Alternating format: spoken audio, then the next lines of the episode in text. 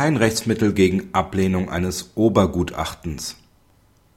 Nach der Rechtsprechung des vierten Zivilsenats des BGH ist gegen einen Beschluss, der den Antrag auf eine erneute Begutachtung durch einen Obergutachter ablehnt, keine sofortige Beschwerde zulässig.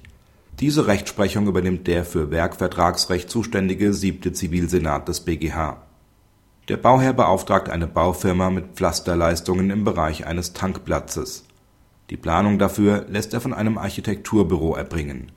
Nachdem sich Mängel zeigen, führt der Bauherr ein selbstständiges Beweisverfahren durch, das sich gegen die Baufirma und den Architekten richtet. Der Sachverständige erstattet sein Gutachten und erläutert dieses in der mündlichen Verhandlung.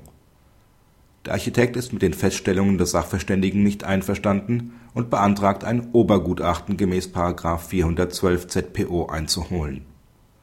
Diesen Antrag weist das Gericht zurück Hiergegen richtet sich die sofortige Beschwerde des Architekten, welche das Beschwerdegericht zurückweist.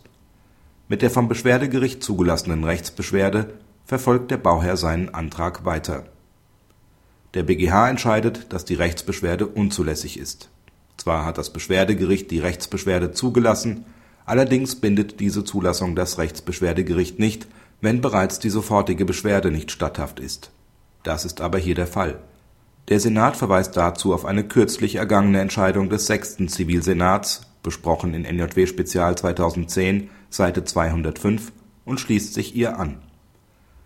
Praxishinweis Die Chancen, im Prozess oder im selbstständigen Beweisverfahren ein Obergutachten zu erreichen, sind in der Praxis begrenzt.